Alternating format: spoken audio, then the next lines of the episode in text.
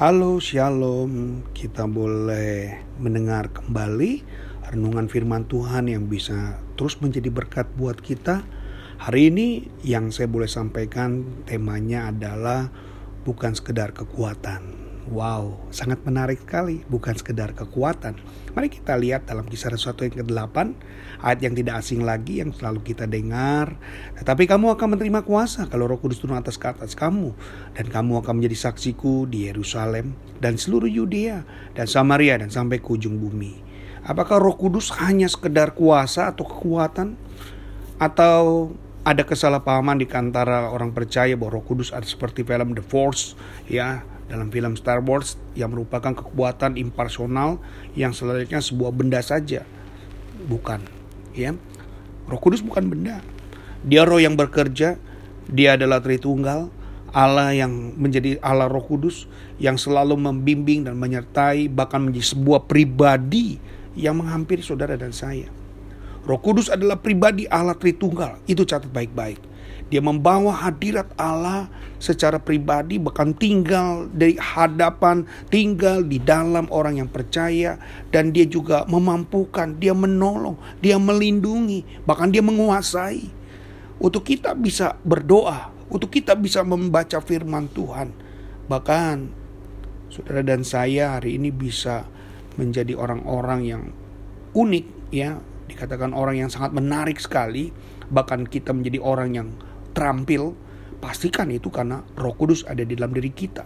Pak Roh Kudus juga yang menjagai kita sampai kita tetap bertahan untuk memanggil ya Aba ya Bapa. Tuhan adalah juru selamat kami yang menolong orang-orang dalam penginjilan, dalam ketakutan, dalam kebimbangan, bahkan di dalam ancaman kematian pun Roh Kudus yang selalu menyertai. Dan dia juga bekerja dalam sebuah KKR, KKR besar, sebuah gereja-gereja besar, ataupun gereja-gereja kecil untuk menjangkau jiwa-jiwa. Maka kalau Roh Kudus tidak disertakan, hampa. Semua pelayanan-pelayanan yang dikerjakan tidak berarti apa-apa. Roh Kuduslah yang memampukan setiap uh, pekerjaan-pekerjaan yang luar biasa itu menjadi berdampak. Dia bisa melayani dalam sebuah misi, gereja-gereja dibangun, gereja-gereja berdiri, bahkan misionaris-misionaris bisa berangkat, dia meninggalkan keluarganya, dia meninggalkan zona nyamannya karena dia dipimpin Roh Kudus. Seorang bisa meninggalkan pekerjaannya, lalu semua dia hidup dalam pengabdian hanya kepada Kristus, hanya kepada gereja, dan itu pun tidak gampang kalau tidak lewat Roh Kudus. Jadi benar dikatakan bahwa Roh Kudus itu memampukan seorang, dia bisa menjadikan kita menjadi saksi, bahkan dia juga bisa menjadikan kita menjadi misionaris, evangelis, hamba Tuhan, ya, guru sekolah minggu, para pelayan-pelayan Tuhan, asyir, dan tentunya itu semua adalah peran Roh Kudus. Dan lalu kita bertanya hari ini, apa itu saksi? Kalau kita tahu bahwa saksi itu bukan hanya orang yang melihat saja, ya atau menyampaikan pesan, atau juga cuma saksi mata, tetapi dia juga harus mempersiapkan waktu untuk menyampaikan kebenarannya itu. Jadi bukan hanya melihat, mendengar, menyaksikan dengan mata kepala mereka, lalu tidak bisa menyampaikan pesan apa yang dia lihat, tidak bisa menyampaikan pesan apa yang dia dengar. Saksi harus bisa menyampaikan secara utuh tanpa ada potongan-potongan untuk memotong pesan yang akan disampaikan. Mari kita lihat bagaimana orang bisa menjadi martir, bagaimana orang bisa menjadi orang-orang yang rela mati demi nama Tuhan Yesus, bahkan mengorbankan keluarganya, mengorbankan harta bendanya, mengorbankan pekerjaan-pekerjaannya, semua dilakukan karena kasihnya kepada Tuhan. Mari kita tahu bahwa tema hari ini bicara bagaimana kita bukan hanya sekedar kekuatan. Maka kalau hanya power kecil dalam diri kita, kita nggak punya arti apa-apa. Semangat kita bukan hanya di mulut kita. Semangat kita bukan karena waktu kita baru dengar KKR lalu kita berapi-api mau menjadi hamba Tuhan. Semangat kita bukan karena pada waktu ada event-event tertentu sehingga kita baru mulai bangkit dan berdiri. Dan kalau semangat seperti itu saja, Roh Kudus mungkin hanya seperti uh, pematik saja. Roh Kudus bukan pematik, tapi roh kudus benar-benar api yang menyala. Membakar kita untuk kita bisa semangat. Membakar api ke dalam diri kita supaya kita lebih sungguh-sungguh lagi kepada Tuhan.